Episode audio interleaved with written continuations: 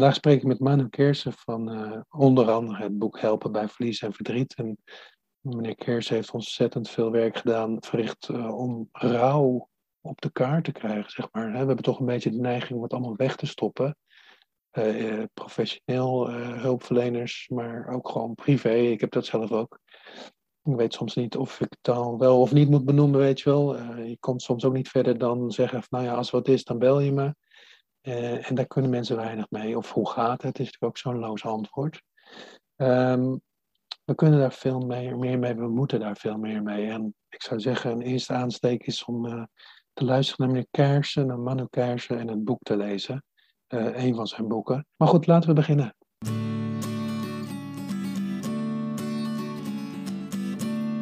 Hoi, ik ben Steven van Rossum en dit is de Esoterre Podcast. In deze podcast spreek ik diverse gasten uit de complementaire zorg. Van lichaamswerkers tot psychiaters en van relatietherapeuten tot wetenschappers. We hebben het over fascinerende onderwerpen die ons mensen bezighouden. Bewustzijn, vitaliteit, gezondheid, persoonlijke ontwikkeling, etc. En elke keer worden we weer iets wijzer. Luister je mee?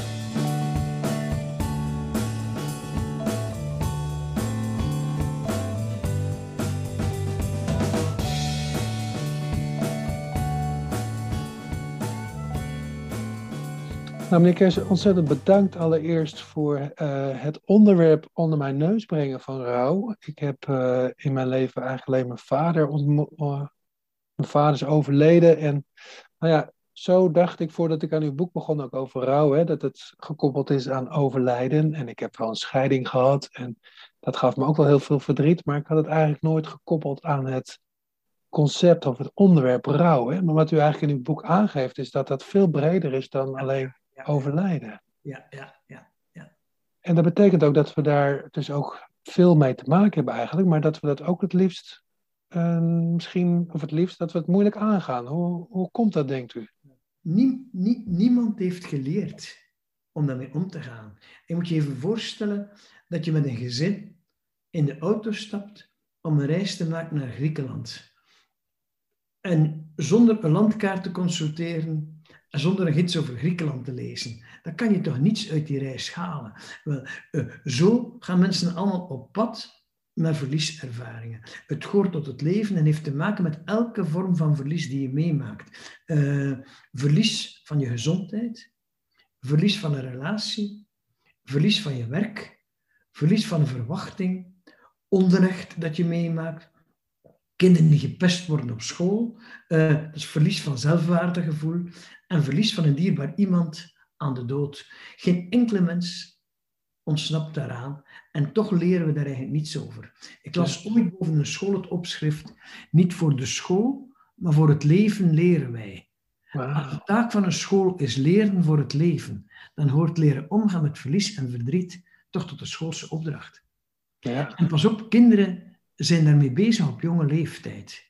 Uh, maar kinderen worden dat afgeleerd door volwassenen. Ik hoor heel vaak zeggen, mijn kind van vijf jaar stelt allerlei vragen over de dood. Moet ik dan niet mee naar een therapeut gaan? Zeg nee, dat is heel normaal op die leeftijd. Uh, uh, kinderen zijn daarmee bezig. Mijn jongste kleindochter was vijf jaar. Ze komt hier op een morgen mijn bureau binnengestapt, ze doet die deur dicht. Zegt ze, opa, ik moet eens iets met u bespreken. Vijf jaar oud. Mijn mama heeft gezegd dat jij alles weet over de dood. Elk kindje heeft twee opa's. Ik zeg, ja, Anneliesje, uh, ik heb ook twee opa's, maar opa Louis die is dood, want die is in zijn bord gevallen. Ja, de schoonvader van mijn dochter heeft ooit een infarct gedaan, terwijl ze aan tafel zaten, die is voorovergezakt in zijn bord. Opa Louis die is dood, want die is in zijn bord gevallen. Opa, heb jij opa Louis gekend? Ik zeg, ja. Kunt u mij dan vertellen over opa Louis? Dan leer ik hem ook kennen en heb ik ook twee opa's. Ik Lies, ik zal je alles vertellen wat ik over opa Louis weet. Maar wie daar veel meer over weet dan ik, dat is uw papa. Want opa Louis was de papa van uw papa. Dat weet ik wel, opa. Maar mijn papa weet niet over de dood. Hmm. Het is dus grootouderdag geweest op school. Sommige kinderen hebben vier grootouders en anderen hebben er maar drie. En kinderen stellen vragen over. Ja, ja, ja. ja. Ah, mooi, mooi. En hoe komt uw persoonlijke fascinatie eigenlijk, of interesse? Uh, ik, heb, ik zelf als kind geleerd om ermee om te gaan. Ik ben vier jaar uh, misdienaar geweest toen ik in de basisschool zat. En wij waren de enige misdienaars die een telefoontoestel hadden toen thuis. En als de pastoor met het laatste sacrament naar een stervende ging, had hij een misdienaar nodig met een bel en een lantaarn. En ik ben tientallen keren met de pastoor meegestapt door het dorp, door de straten, door de velden, naar een slaapkamer van een gezin op het stervensuur. Ik heb daar heel veel verdriet gezien toen ik kind was. Ja. Ook heel veel verbondenheid gevoeld tussen mensen. Ja. En, en, toen ik dan als klinisch psycholoog afstudeerde en in het ziekenhuis ging gaan werken, stelde ik vast dat iedereen ging gaan lopen als mensen met verdriet en verlies werden geconfronteerd. Uh, artsen wisten niet hoe ze moesten mee omgaan. Slecht nieuws overbrengen, dat werd ontvlucht. Uh, en toen dacht ik, ik moet daar beginnen opleiding over geven. En hoe meer ik daarnaar keek, hoe meer ik ver, me verbaasde over de, de, afstand, de afstand die mensen namen, het gaan lopen, zich verstoppen op zo'n op zo moeilijke momenten. En dan ben ik beginnen opleiding geven daarover. Mooi, mooi, mooi. En uh, als u aangeeft van, nou, hè, we leren het niet. Uh, ik bedoel, u, bent daar denk ik mee bezig hè, om, het ons, om het ons wel te leren. Maar ik heb nu twee kleine kinderen. Hoe, hoe kunnen we het onze, onze nageslacht leren? Eh, sowieso door stil te staan bij verlieservaringen in het leven. En kinderen maken, kinderen maken die sowieso mee. En een, een dood vogeltje dat ze vinden op straat. Een konijntje dat sterft uh, een, hun houtvis die komt te sterven. Wat men op dat moment ervoor doet, als men met warmte, met zorgzaamheid bij kinderen stilstaat op dat moment. En men moet kinderen een aantal dingen leren over dood van op jonge leeftijd. En, uh, want kinderen weten nog niet wat dood is. Kinderen spelen krijgertje en ze schieten elkaar dood. En die dode die staat twee minuten later weer, verder, uh, weer op en die speelt weer verder. Dus ja. we moeten aan kinderen vier dingen leren over dood. Eén, alles wat leeft gaat dood. Veel volwassen mensen beseffen dat ook niet meer. Dat alles wat leeft doodgaat. Dat ze zelf niet zo doodgaan. Dat iedereen die ze kennen doodgaat. Maar bloemen, planten, bomen, vissen, vogels, mensen, alles wat leeft gaat dood. Twee, dood is onomkeerbaar. Als je dood bent, ben je voor altijd dood. Drie, dood is finaal. Je bent niet half dood, je bent volledig dood. Als je dood bent, kan je niet meer zien, kan je niet meer stappen, moet je niet meer eten, voel je geen warmte en geen kou meer. Heel erg belangrijk, want je moet eens indenken, kinderen leren ver te blijven van een brandende kachel. Maar nu hebben die, uh, die volwassen mensen opa in de kachel gesmeten bij crematie. Is, nee, dat is niet opa die wordt gecremeerd, dat is het lichaam van opa. En opa is verhuisd van de buitenwereld naar het hart van iedereen die van hem houdt. Dat lichaam kan je niet houden. Uh, dat lichaam voelt geen kou en geen warmte meer. Dood is finaal. En een vierde iets dat men aan kinderen moet leren is, dood heeft een reden. Je gaat niet, uh, het is niet omdat opa nu doodgaat en dat wij morgen allemaal dood zullen zijn. Nee, je gaat dood van iets, van ouderdom, van geweld, van een ziekte, door zelfdoding, uh, door ongeval. Dood heeft een reden. Mooi, mooi. Ja. Je kan kinderen daar heel veel over leren als je zelf weet hoe dat moet omgaan. En je hebt eigenlijk uh, vier sleutels moet je op zak hebben om deuren te openen van kinderen naar toekomst in verdriet. En de eerste sleutel is luisteren naar de kinderen. Hmm. Iets wat in momenten van, in de ontreddering van het verdriet, men vaak vergeet, van te luisteren naar die kinderen. Tweede sleutel, correcte informatie geven. Meestal vinden gesprekken een meter boven het hoofd van de kinderen plaats. Die kinderen staan er een meter lager. Ja. Kinderen moeten correcte informatie krijgen. Derde sleutel, men moet ze met warmte en genegenheid omringen. Ook niet evident in de kilte van het verdriet. En vierde sleutel, men moet herinneringen levendig bewaren. Uh, denk aan de, uh, uh, aan de boodschap van mijn kleindochter. Als hij vertelt over opa Louis, dan heb ik ook twee opa's. Ja, mooi. Mooi gezegd ook, hè? Ja, ja, ja. ja. Prachtig.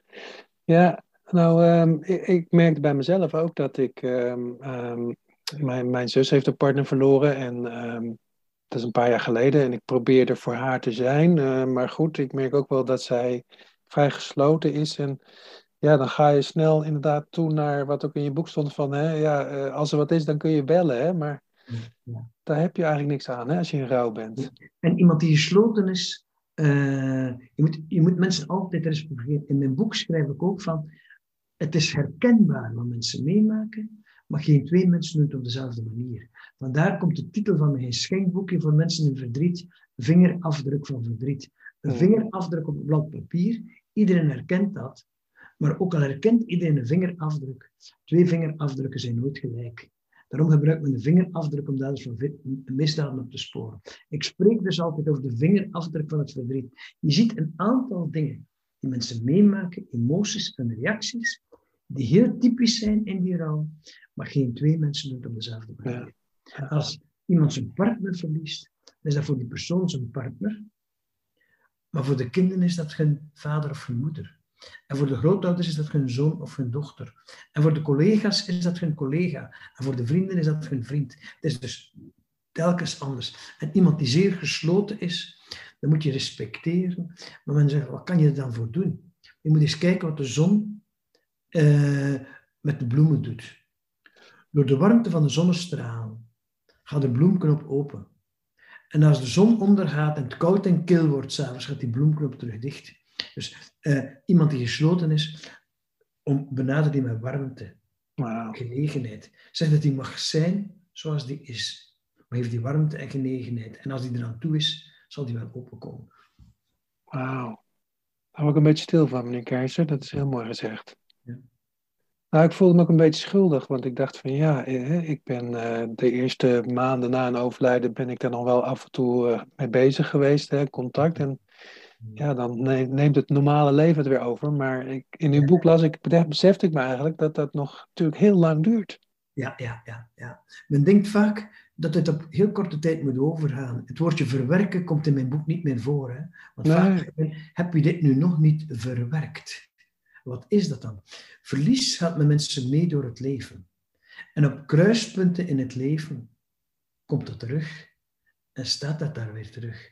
Stel dat je zus een nieuwe partner vindt en op een bepaald moment met die nieuwe partner in het huwelijk treedt, die huwelijksdag kan toch niet anders dan dat ze denkt aan de vorige partner, waar ze ook ooit mee in het huwelijk gegaan is. Dat is toch heel normaal. En vreugde en verdriet liggen in het leven heel dicht bij elkaar. Op, moment, op momenten van vreugde denkt men ook terug aan het verlies.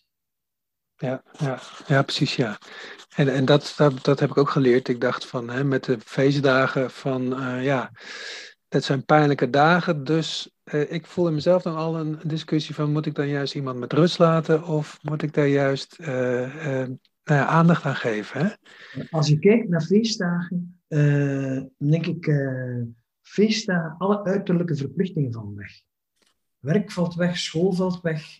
En mensen zijn, mensen zijn in familiekring bezig. Als er iemand gemist wordt in familiekring, wordt op die feestdagen dat verlies veel duidelijker voelbaar. Ja, Eh, en eh, men denkt vaak, je, je moet er niet aan denken op die dagen, maar hoe kan je dat wegduwen op die feestdagen? En mijn boodschap is, doe er iets mee. Ja. Stuur een kaartje met een mooie herinnering die je aan die persoon hebt op, op die dag. Eh, ik raad aan voor de, de kerst- en nieuwjaarsdagen. Vraag aan de mensen die je dierbaar zijn om één herinnering aan die persoon op een kaartje te, eh, te schrijven, zodat je dat in de kerstboom kan hangen. oh. Je kan die open doen als je er zelf aan toe bent. En dat kan heel veel steun betekenen. Men denkt vaak op zo'n dag, moet je er niet aan denken. ja. Ik, eh, Fabienne heeft haar beide ouders verloren, doodgereden door een spookrijder toen ze 18 was. En zij trouwde toen ze 34 was. 16 jaar later. Ik kreeg een huwelijksaankondiging. Ik zei tegen mijn vrouw, we moeten een dag verlof nemen. En moet naar die huwelijksviering gaan van, eh, eh, van, van Fabienne. Want ze heeft al geen ouders op haar trouwdag. Hm. Iedereen die een aankondiging krijgt, zou moeten in die, in die kerk, in die viering aanwezig zijn. Toen ze de kerk buiten kwam, gaf ik haar een briefomslag af. Ik zei, Fabienne, je moet hem maar eens rustig lezen als, als de drukte van de eerste weken voorbij is. En ik had daar iets in geschreven van wakker worden de dag van je huwelijk. En geen ouders hebben die die dag met je meegaan. In het gemeentehuis en in de kerk zitten die twee stoelen die leeg blijven.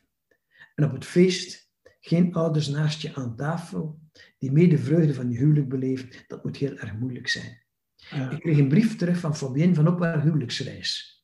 En ze schreef, ik kan niet wachten tot ik thuis kom van de reis om je te bedanken voor de brief die je mij hebt gegeven. Het is het mooiste geschenk dat ik voor mijn huwelijk heb gekregen. Iedereen heeft die dag zijn uiterste best gedaan. Dat kan mijn ouders maar niet zo denken. Ja. Ik heb er zelf niet durven over praten, maar ik iedereen zo zijn best zag doen. In die brief heb je precies beschreven wat er heel die dag door me heen is gegaan. Ik zal de rest van mijn leven bewaren als het kostbaarste geschenk dat ik op mijn huwelijksdag heb gekregen. Wauw.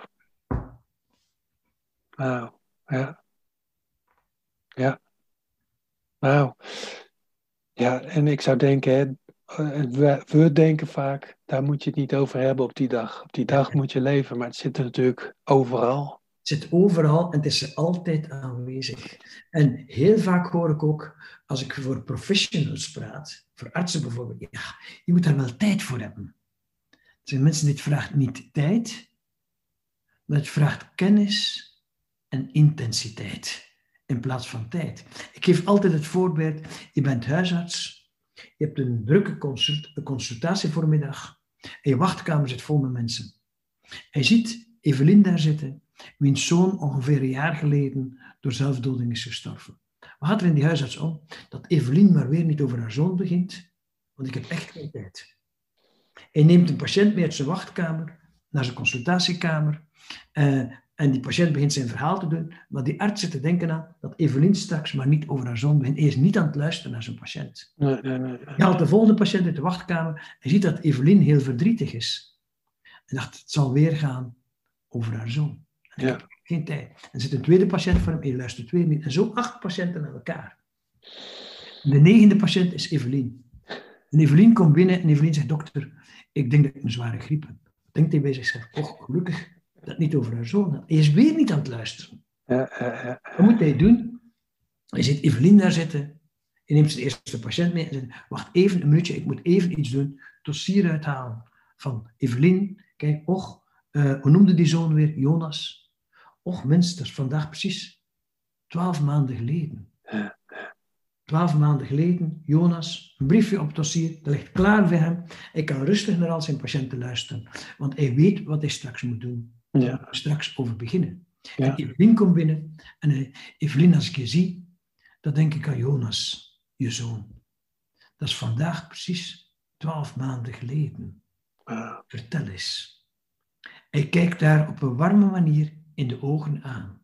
En na drie minuten mag je zeggen, och Evelien, ik zou nu graag een hele voormiddag naar je luisteren. Maar het zijn nog zoveel andere mensen die me nodig hebben. Welk beeld heeft hij dan nagelaten? Die arts was het niet vergeten. Hij is er zelf over begonnen. Hij wist zelfs hoe dat hij noemde. Hij wist dat het vandaag twaalf maanden geleden was. Hij heeft me op zo'n warme manier aangekeken. En hij wilde een hele voormiddag naar mij luisteren. Drie minuten tijd. Dat noem ik professional- professionaliteit. Ja, dat dat was prachtige, prachtige professionaliteit zeker, ja. Ja. En dat mogen we allemaal gaan leren. Nou ja, ik, ik besef me ook dat het ook een eh, stukje lef is, hè? Dat je zeg maar juist wat pijnlijk is, durft te benoemen. Hè? Dus ook zelfs op een trouwdag of op een heugelijke dag. Dan moeten we ook een beetje gewoon, gewoon durven. Ik, ik, ik ben dan zoiets van, nou ja, moet, hè, laten we het maar niet doen. Dus ik altijd makkelijk om, om dat te kiezen. En als mensen het moeilijk hebben om dat te durven, zeg ik wel, vertel me eens waarvoor ben je bang? Waarvoor ben je bang? Ja. Sprake brengt. Ja, ik denk dat als ik zelf kijk, denk ik toch bang van hè, dat er allemaal emoties komen. Dat is Ja, ja. eng. Waterlanders. Pas op, sommige mensen willen er ook op die dag niet over praten. Hè? Nee, nee. Zijn. Maar hoe kan je dat doen? In mijn, het laatste hoofdstuk van mijn boek gaat over drie vragen. Wat kan je zeggen aan mensen? Wat kan je schrijven aan mensen? Wat kan je doen? Hmm. En mijn eerste vraag, wat kan je zeggen aan mensen, is... Wel, eh, vergeet die vraag en stel eens een andere vraag. Wat zouden die mensen op dat moment aan mij te zeggen hebben? Ja. Ik geef in mijn boek negen tips om beter te kunnen luisteren naar verdriet. Want luisteren is niet eenvoudig. En mijn, in plaats van hoe gaat het? Of hoe is het? Waarop je sowieso als antwoord verwacht, goed. Ja. Stel de vraag van, vertel eens, wat er op dit moment door je heen gaat. Of vertel eens hoe je de voorbije dagen bent doorgekomen. Ja, En, en als je dan iemand aandachtig aankijkt, dan heeft hij de kans om Ja. te verwoorden wat er bezighoudt op dat moment. Nou ja, dat is eh, sowieso denk ik een beetje een van de lessen uit, eh, uit uw boek. eh, dat het niet gaat over praten, maar over luisteren. Ja, ja. En dat luisteren veel dieper kan dan, ja, dan ja. doen, hè? Je kan maar luisteren als je voldoende kennis in je hoofd hebt. Want eh, als je geen kennis hebt, dan praat je die stilte, dan ben je bang en dan praat je die stilte vol. Hmm. En eh, je kan veel rustiger luisteren als je voldoende weet hebt van verdriet. En als je weet hebt van wat er met mensen gebeurt en wat normaal is in dit soort situaties. Ja, ja, ja. Pas op, de meeste mensen willen iemand helpen, hè? maar ze hebben Ja. daar iets over geleerd. En vroeger, heel veel vroeger, leerde je daarmee omgaan van nature. Eh, drie generaties woonden onder hetzelfde dak. En kinderen groeiden op in een woonkamer waar een grootouder lag te sterven. En ze maakten het in het dag- dagelijkse leven mee. En de gemiddelde levensverwachting was ook veel minder dan vandaag. Eh, dus je werd veel gemakkelijker op jonge leeftijd met dood en sterven geconfronteerd. Vandaag maak je dat niet meer mee in de woonkamer waarin je leeft. En dan betekent dat dat kinderen met dood niet meer geconfronteerd worden? Nee. Kinderen van 12 jaar hebben al meer dan 10.000 doden gezien volgens mediadeskundigen. Zo. Maar het gaat om het gruwelijke sterven. Ja. Een ongeval, moord, terreur, zelfdoding. eh, dat word je voortdurend mee geconfronteerd. Maar dit is niet het rustige, je laatste adem uitblazen aan het einde van je leven, zoals sterven voor heel veel mensen is. Ja, ja, ja. ja, precies, ja. Ja, als we het al zien, dan is het inderdaad met uh, mitrailleurgeweren en, Ja, ja. eh, of, of met eh, detectives, hè? Ja. Hey, en ehm, we hebben het al eerder over gehad, hè, maar nog even uitdiepen. ehm, wat ik altijd een, eh, tenminste een trigger voor mij is als mensen zeggen: Ik heb het een plek gegeven. En u heeft het in het boek over rouwverwerking, dat dat eigenlijk niet bestaat. Er is geen verwerking. U Mhm. heeft het, eh, want we kunnen het geen plek geven, of tenminste, het blijft bij ons, toch? Juist weer op Ik zeg die. vaak aan mensen, mensen krijgen vaak te horen, je moet het een plekje geven. Dan Hm. denk ik, ja, wat moeten ze dan doen? Moeten ze het op de schouw zetten? Moeten ze in de kelder zetten? Wat, wat is dat, het een plekje geven? Dat is de onmacht van mensen om daarmee om te gaan. Hè? Ja, of de behoefte om het weg te stoppen, hè? Van, nou ja, dat is hetzelfde We moeten natuurlijk. mensen trainen in de deskundigheid van de machteloosheid. De deskundigheid van de machteloosheid. Je moet niet machtig zijn om, de, om dat te doen. Je mag best je machteloos voelen tegenover het grote verdriet dat mensen meemaken. Ja, ja. Trainen in de machteloosheid. De deskundigheid van de machteloosheid. Oh, daar ga ik nog even over nadenken. Ja, Ehm, ja precies. Ja, dingen een plek geven. Hè, dat is van, nou, daar gaan we het niet meer over hebben. Maar het is natuurlijk alom aanwezig. Dus, en het groeit ook met je mee natuurlijk, rouw. Hè? Zoals u zegt, op feestdagen is het ook weer. Op een volgende huwelijk is het ook weer, inderdaad.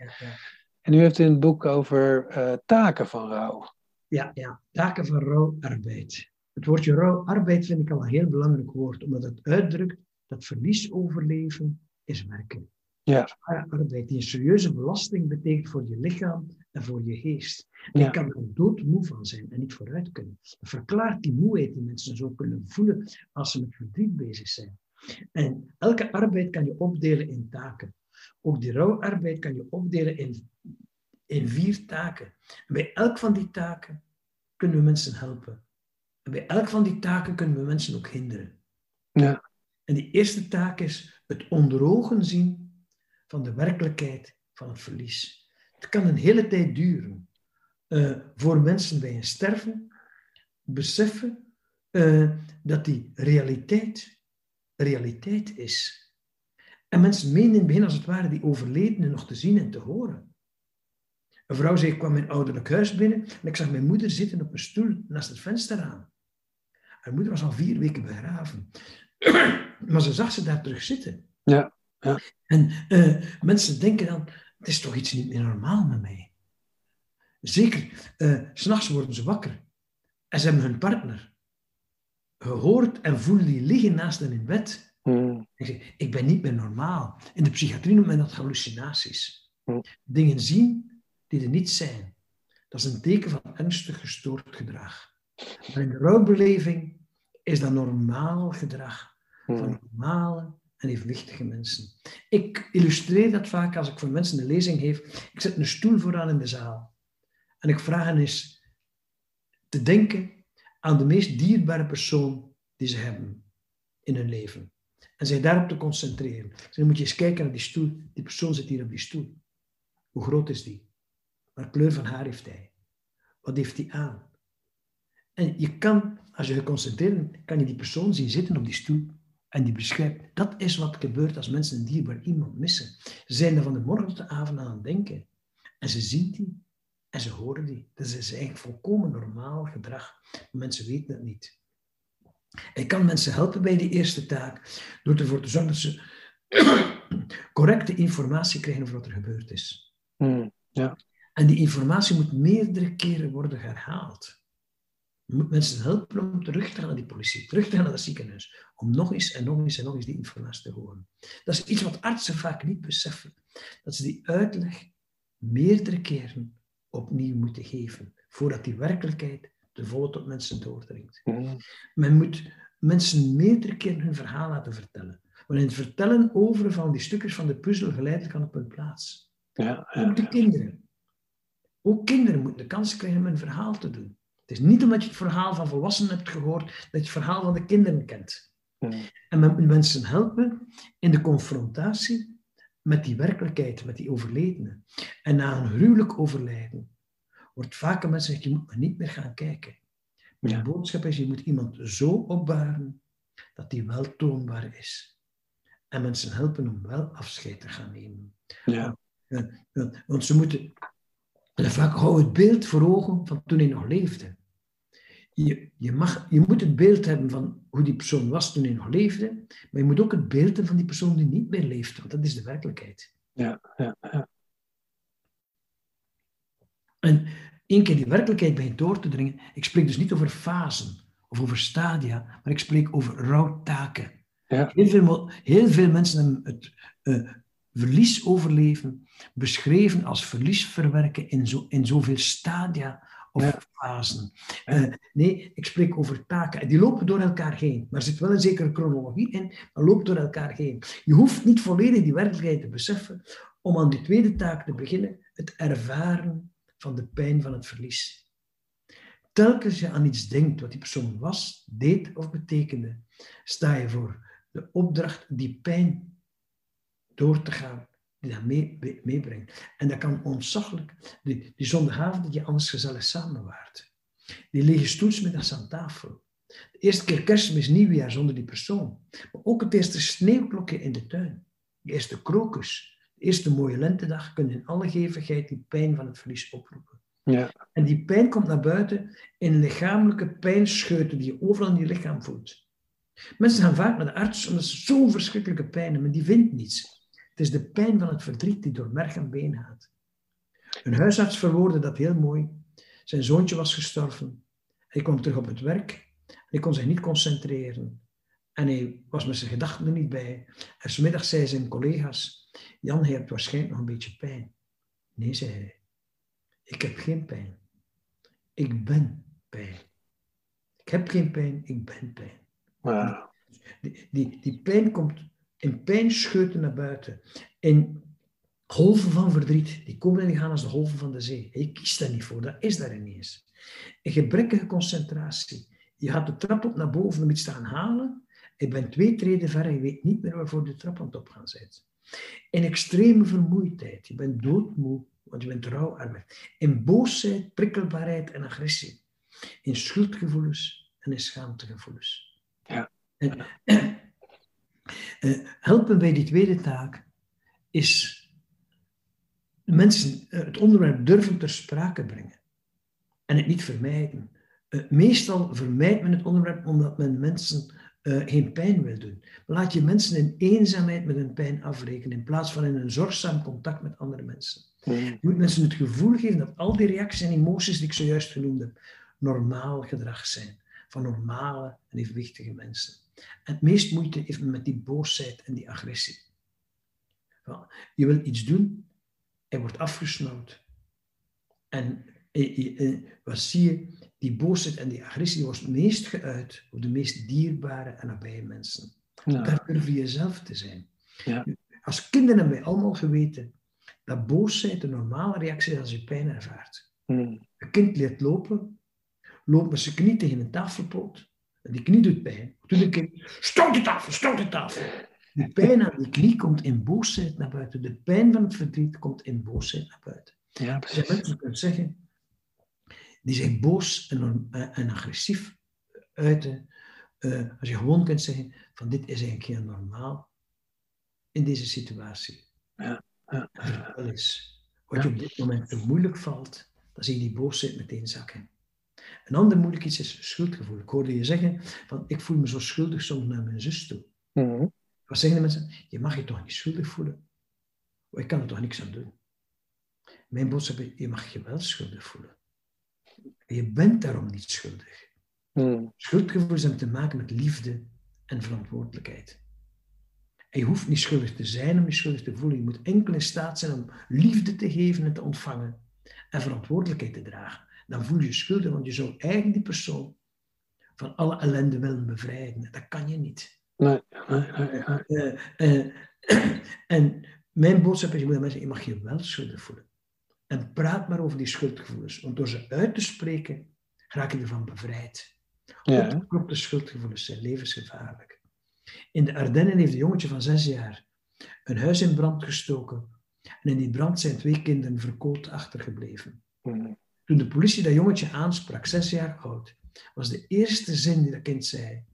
En ik heb een jaar geleden papa ook al doodgedaan. Dus de papa van dat kind was een jaar tevoren aan kanker gestorven. En het kind zat al jaren met schuldgevoel. Van het is mijn schuld dat papa is doodgegaan. En die hebben hier van binnen zitten koken en kolken. Die zijn ontploft in het brandsteken huis, waar twee kinderen het leven hebben verloren. Die twee kinderen waren niet gestorven. Had de samenleving meer geweten over rouw en verdriet. Hm. Vreselijk, ja. En dan kom ik aan die derde taak. En die derde taak is je aanpassen aan de wereld met dit verlies. En ook dit is heel moeilijk. Nooit voor twee mensen precies hetzelfde. Als drie kinderen hun moeder begraven, ook al is dezelfde moeder die wordt begraven, uh, dezelfde vrouw die wordt begraven, dat is niet dezelfde moeder voor die drie kinderen. Dat is een heel andere moeder voor die dochter die nog thuis woont, dan voor die zoon die al twintig jaar getrouwd is. En je hoort me niet zeggen dat het erger is voor de een dan voor de andere. Want ik heb geen weegschaal om verdriet te wegen en te meten. Het is anders. Hmm. En als het nooit voor twee mensen precies hetzelfde is, hoe kan je dan helpen? Helpen bij die derde taak is luisteren naar het verhaal van mensen. En in het verhalen over help je mensen geleidelijk aan om opnieuw op verhaal te komen in het leven. Maar aan wie kan je na een tijd nog eens je verhaal kwijt? Ja, Dan kom ik aan die vierde en die laatste taak. En die vierde taak is opnieuw leren genieten van het leven. En herinneringen levendig bewaren. Opnieuw leren genieten en herinneringen levendig bewaren. Maar opnieuw leren genieten is niet zo eenvoudig. Sommige mensen denken, ik mag niet meer genieten als die ander niet meer mee kan genieten. Of ik durf niet meer opnieuw relaties aangaan, want die kunnen weer afbreken, dan moet ik weer die vreselijke pijn door. En hoe kan je herinneringen levendig bewaren als iedereen de herinnering aan die persoon doodzwijgt? Hmm. Ja, ja. Herinneringen gaan mee door het leven. Het is niet omdat je ouders gestorven zijn dat je geen ouders meer hebt. Je hebt je ouders in het leven drie keer: levend, stervend en overleden. Je bent nog altijd de zoon en de dochter van je ouders. Ook al zijn ze al twintig jaar dood. Ja. Je hoort mensen vaak zeggen, mijn vader zou dat zo gedaan hebben. Mijn vader zou dit. Dus uh, overledenen zijn soms zeer goede therapeuten. Want uh, uh, ze helpen mensen nog, ook al zijn ze al dood. Ja, ja, ja, mooi, mooi, mooi. nou ja, prachtig, ja. En wat, uit, wat, wat ik uit uw verhaal hoor, hè, is dat inderdaad um, ja, koppel, je koppelt misschien rouw, ik koppel rouw aan verdriet, maar er zit een heel scala aan emoties bij. Hè? Ja, ja. Boosheid, soms ook boosheid op je partner die jou alleen heeft achtergelaten of wat dan ook. Hè? Ja. En soms ook opluchting. Hè? Ja, oh, ja, is gestorven toen hij 89 was. Dat was al vijf jaar ernstig dementerend. Ja. Ik vond voor mijn vader goed dat hij mocht sterven. Dan heeft hij die fysieke aftakeling niet meer moeten meemaken die hem anders nog te wachten stond. Ja. Eh, eh, eh, de, en het kan een voldoening, een opluchting van, het is een mooie afronding van zijn leven. Ik had het geluk, hij is heel onverwachts gestorven nog, maar ik had het geluk dat ik naast, toevallig naast zijn bed zat op dat moment. Ja. Ik heb hem dus laatste adem zien uitblazen en die overgang van glimlachend naar die laatste adem en die rust, dat is zo mooi en zo natuurlijk. Ja. Ja, dat is mooi als je erbij kan zijn. Nou ja, ik realiseerde me dat ik heb eh, een scheiding gehad en daar, daar was ik zelf zeg maar eh, de, de, de, de instigator voor. Hè, dus het was voor mij ook een enorme opluchting, maar ik voelde ook wel inderdaad rouw. Hè? Je, hebt, Ja. je hebt toch een, een beeld ook al van de toekomst dat niet meer zo is. Dat kan al rouw opleveren, hè? dat soort dingen. Het is niet omdat je zelf de instigator bent, dat het geen, dat, dat, dat het geen gemis betekent. Hè? Nee. In die boek heeft het ook over rituelen. Ja. Ehm, Ik denk dat we veel rituelen. Ik weet niet of het vroeger beter was of dat er meer rituelen waren, maar we hebben niet zo heel veel rituelen. Nee. Eh, en zeker ook niet voor onze collega's bijvoorbeeld, terwijl we allemaal Ja. iets meemaken. Veel rituelen zijn ook ontstaan en verbonden geweest met eh, religieuze gebruiken. Eh, en eh, men had een uitvaartviering, eh, wat een heel belangrijk ritueel was. Eh, en de mensen van het dorp namen daaraan deel en waren, eh, waren in gemeenschap bij elkaar en je voelde je gedragen Ja. en verbonden. De betekenis van rituelen is eigenlijk persoonlijke emoties kunnen veruiterlijken op een maatschappelijk aanvaarde manier. Dat is eigenlijk de betekenis van, van, rituelen. En veel rituelen zijn verdwenen met het verdwijnen van de religie en de religieuze verbondenheid in onze samenleving. Pas op, de, religieuze, de religie heeft die niet uitgevonden. Hè? Nee, die nee. rustte heel vaak op heel oude eh, gebruiken in het volk die de religie heeft overgenomen. Maar door het verdwijnen van verbondenheid in dorpen en in gemeenschappen zie je ook rituelen verdwijnen. En ik help mensen vaak om nieuwe rituelen uit te vinden. Zoals bijvoorbeeld met kerstmis. Vraag iedereen een herinnering op een kaartje te schrijven en mee te brengen of op te sturen. Ja. De kerstboom hangen. Dat is een ritueel. Het is, in die corona hebben mensen vaak geen uitvaartviering kunnen organiseren voor voldoende mensen. Na de corona, organiseer iets, een wandeling of een uitvaartviering. Je kan die ook nog een jaar of twee jaar nadien organiseren.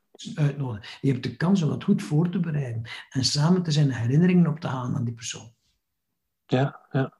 Nou, ja, precies wat u zegt. Er zijn natuurlijk rituelen ontstaan die eh, gekoppeld zijn aan het christendom. En nu hebben we het christendom een beetje eh, Ja, ja. afscheid genomen. En nu zijn we onze rituelen ook kwijt. En ben ik zacht, ik zal eens een beeldje tonen.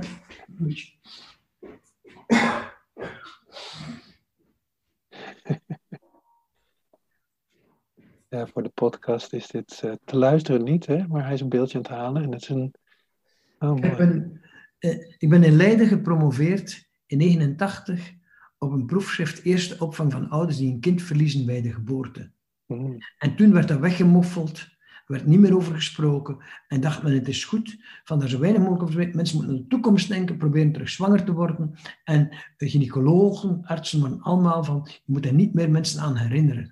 Ik- via mijn proefschrift heb ik de medische wereld overtuigd van dit is fout. mm, Eh, je moet er wel over praten. Je moet overleden kindje in de armen van de ouders geven. En je mag de herinnering daaraan niet wegduwen. mm. Ik kreeg van mijn promotor dat beeldje als geschenk. Dat komt uit de Yoruba-stam in Centraal-Afrika. En daar was het een zeer primitieve volkstam. Daar was het gebruikelijk als een kind stierf bij de geboorte. Moest de vader met een boomstronk naar de plaatselijke beeldhouwer gaan en een jongen of een meisje laten snijden uit een boomstronk. En de moeder bond hem een linten op haar rug en droeg dat maanden overal mee. Heel het dorp zag, daar is een jongen of een meisje gestorven. Het was onderwerp van gesprek. Wauw. Kunt u het beeld iets omhoog houden? Dan kunnen we hem goed zien. Ah ja, mooi. Ja. Primitieve culturen noemt men dat dan. Ja, ja inderdaad, ja. Ja. Meer emotionele culturen. Ja, ja. Nou, ik heb zelf, eh, mijn vrouw en ik hebben zelf, eh, toen ik de eerste keer zwanger was bij mijn vrouw, eh, was zij, de tweede keer zwanger voor mij was het de eerste keer dat we samen waren, was ze zwanger en ik zou vader worden. Mm. En toen bleek bij een, eh, zo'n test, hè, waar we allemaal allebei heel gelukkig kwamen, moesten we een testje doen en toen bleek de nekplooi of zo niet goed te zijn. En het was opeens slecht nieuws. Mm. En uiteindelijk bleek dat kind niet levensvatbaar te zijn en hebben we het eh, met een pil weg laten halen. Mm. En daarvoor zijn we heel goed begeleid door het ziekenhuis, terwijl wij zelf eigenlijk daar van tevoren heel nuchter in waren. Van nou ja, hè, ze, waren zo zorgvuldig, waar gaat het over? Maar goed, toen het eenmaal gebeurd was, toen begrepen we meteen dat dit een, eh, een heel emotioneel proces was. En voor mij ook dat ik daarin ook, later ben ik vader geworden, maar dit was de eerste keer. En ik moest wel afscheid nemen van mijn, of verlies dragen van mijn dromen van vader worden, weet je wel. En een vrouw met een dikke, dikke buik en zo. Dat was toch best wel pittig. Ja, en men heeft, men, he- men heeft heel lang ervan uitgegaan, dat is gewoon een fout van de genetica. Ja. Je moet er niet te lang bij stilstaan. Eh, maar in mijn boek schrijf ik ook, je hebt, eh, ik heb twee lange hoofdstukken over zwanger worden en verliezen in het boek staan. Hmm. En eh, mijn boodschap is, je wordt geen ouders op het moment van de geboorte. Ouderschap begint met de intensiteit van het verlangen naar een kind. Hmm. Het begint ouderschap. En ik, ik, ik heb het in mijn boek over ouders die nooit kinderen hebben gekregen. Mensen die heel hun leven verlangd hebben naar een kind, zijn voor mij ouders die nooit kinderen hebben gekregen. Ja. Want de intensiteit van het verlangen, daar begint uw ouderschap mee. Nou, en daar, ja, daar kan ook heel veel rouw en verdriet bij zitten, hè? Ja, ja, ja, ja. Mooi. Nou, ik heb, ik, ik, ik, heb eh, mijn leven muziek geschreven. Ik heb daar een liedje van gemaakt. Alleen ik heb het nooit, nooit durven schrijven of eh, spelen voor iemand. Maar misschien moet ik het maar eens achter deze podcast zetten. Ja, ja, ja. ja. Eh, meneer wa- eh, wat ik mooi vind aan uw boek en wat u vertelt, is dat het, hè, dat dus rouw zo individueel is dat je er eigenlijk, eigenlijk alleen maar bij kan zijn door te luisteren en niet te vertellen wat er allemaal gebeuren moet en zo. Hè? Dat is denk ik wel een, een belangrijke boodschap in uw boek. Ja, ja, ja, ja, ja, ja, ja, ja. Het is een beetje een vervolgvraag hierop. Wat, wat een vaste vraag in onze podcastshow. Wat, wat maakt een goed therapeut? Wat maakt een goed? Eh, het eerste wat ik eh, zou zeggen is, van mensen hebben voor verdriet geen therapeut nodig. Want eh, verdriet is normaal gedrag van normale en evenwichtige mensen. En verdriet is geen ziekte. Rouw is geen ziekte. Dit is normaal gedrag. En ik ben heel aardig. Pas op, ik volg, ik begeleid ook mensen in moeilijke situaties. Waar mensen dusdanig verdriet kunnen meemaken dat ze bij niemand in de omgeving daarmee terecht kunnen. Eh, omdat het zo eh, confronterend is voor heel veel mensen. Maar mijn eerste reactie is altijd kijken van wie hebben mensen in een omgeving waar ze bij terecht kunnen. Maar soms een zelfdoding bijvoorbeeld, is het heel moeilijk om in je omgeving hulp te vinden, want mensen voelen zich zo schuldig. En voelen zich beoordeeld door de andere mensen ook van, wat zou dat geweest zijn? Dat die ouders hun zoon Ja, ja, ja. toekomst hem kunnen geven. En zo mensen vaak, eh, een, en een goede therapeut, wat moet hij doen? Luister, kunnen luisteren en kunnen rustig blijven in de intensiteit van het verdriet en de intensiteit van de emoties. En ik zie heel vaak, ik zie heel vaak mensen die bij psychologen geweest zijn, bij psychiaters geweest zijn, die bij psychiaters medicatie voorgeschreven en kregen hem antidepressiva. Eh, antidepressiva werken goed bij, bij, een depressie. Maar eh, een depressie is een psychiatrische stoornis. Ja. En verdriet is normaal gedrag van normale en evenwichtige mensen. Antidepressiva werken niet tegen verdriet. Ja. Eh, waarom schrijven artsen dat dan voor? Omdat ze doen wat ze geleerd hebben. En ze willen helpen. En ze kiezen om te helpen uit wat ze hebben geleerd, namelijk medicatie voorschrijven.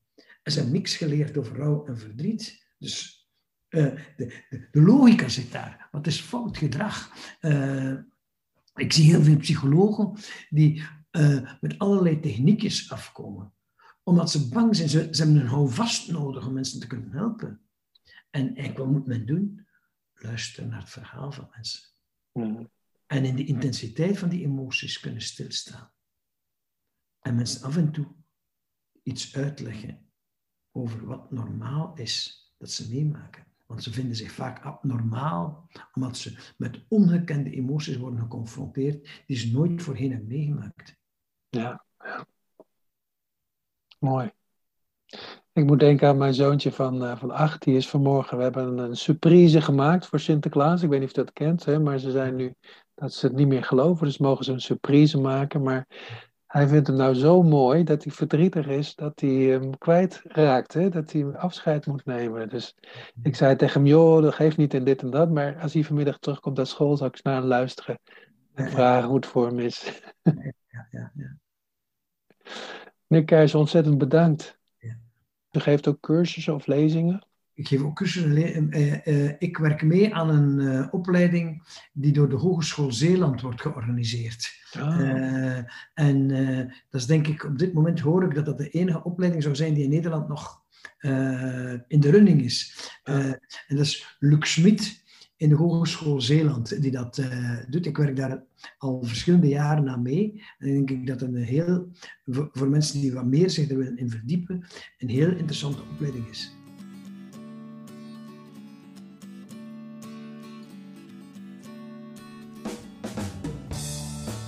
Deze podcast is gemaakt door interviews Stefan van Rossum, redactie Esme Donker en Maurice de Gruiter.